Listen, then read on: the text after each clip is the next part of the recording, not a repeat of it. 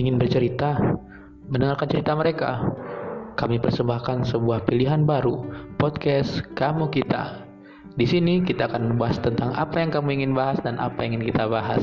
Jadi jangan takut untuk bercerita di sini karena podcast kita hadir untuk kamu dan untuk kita. Stay tune di episode-episode selanjutnya. Yo yo, what's up?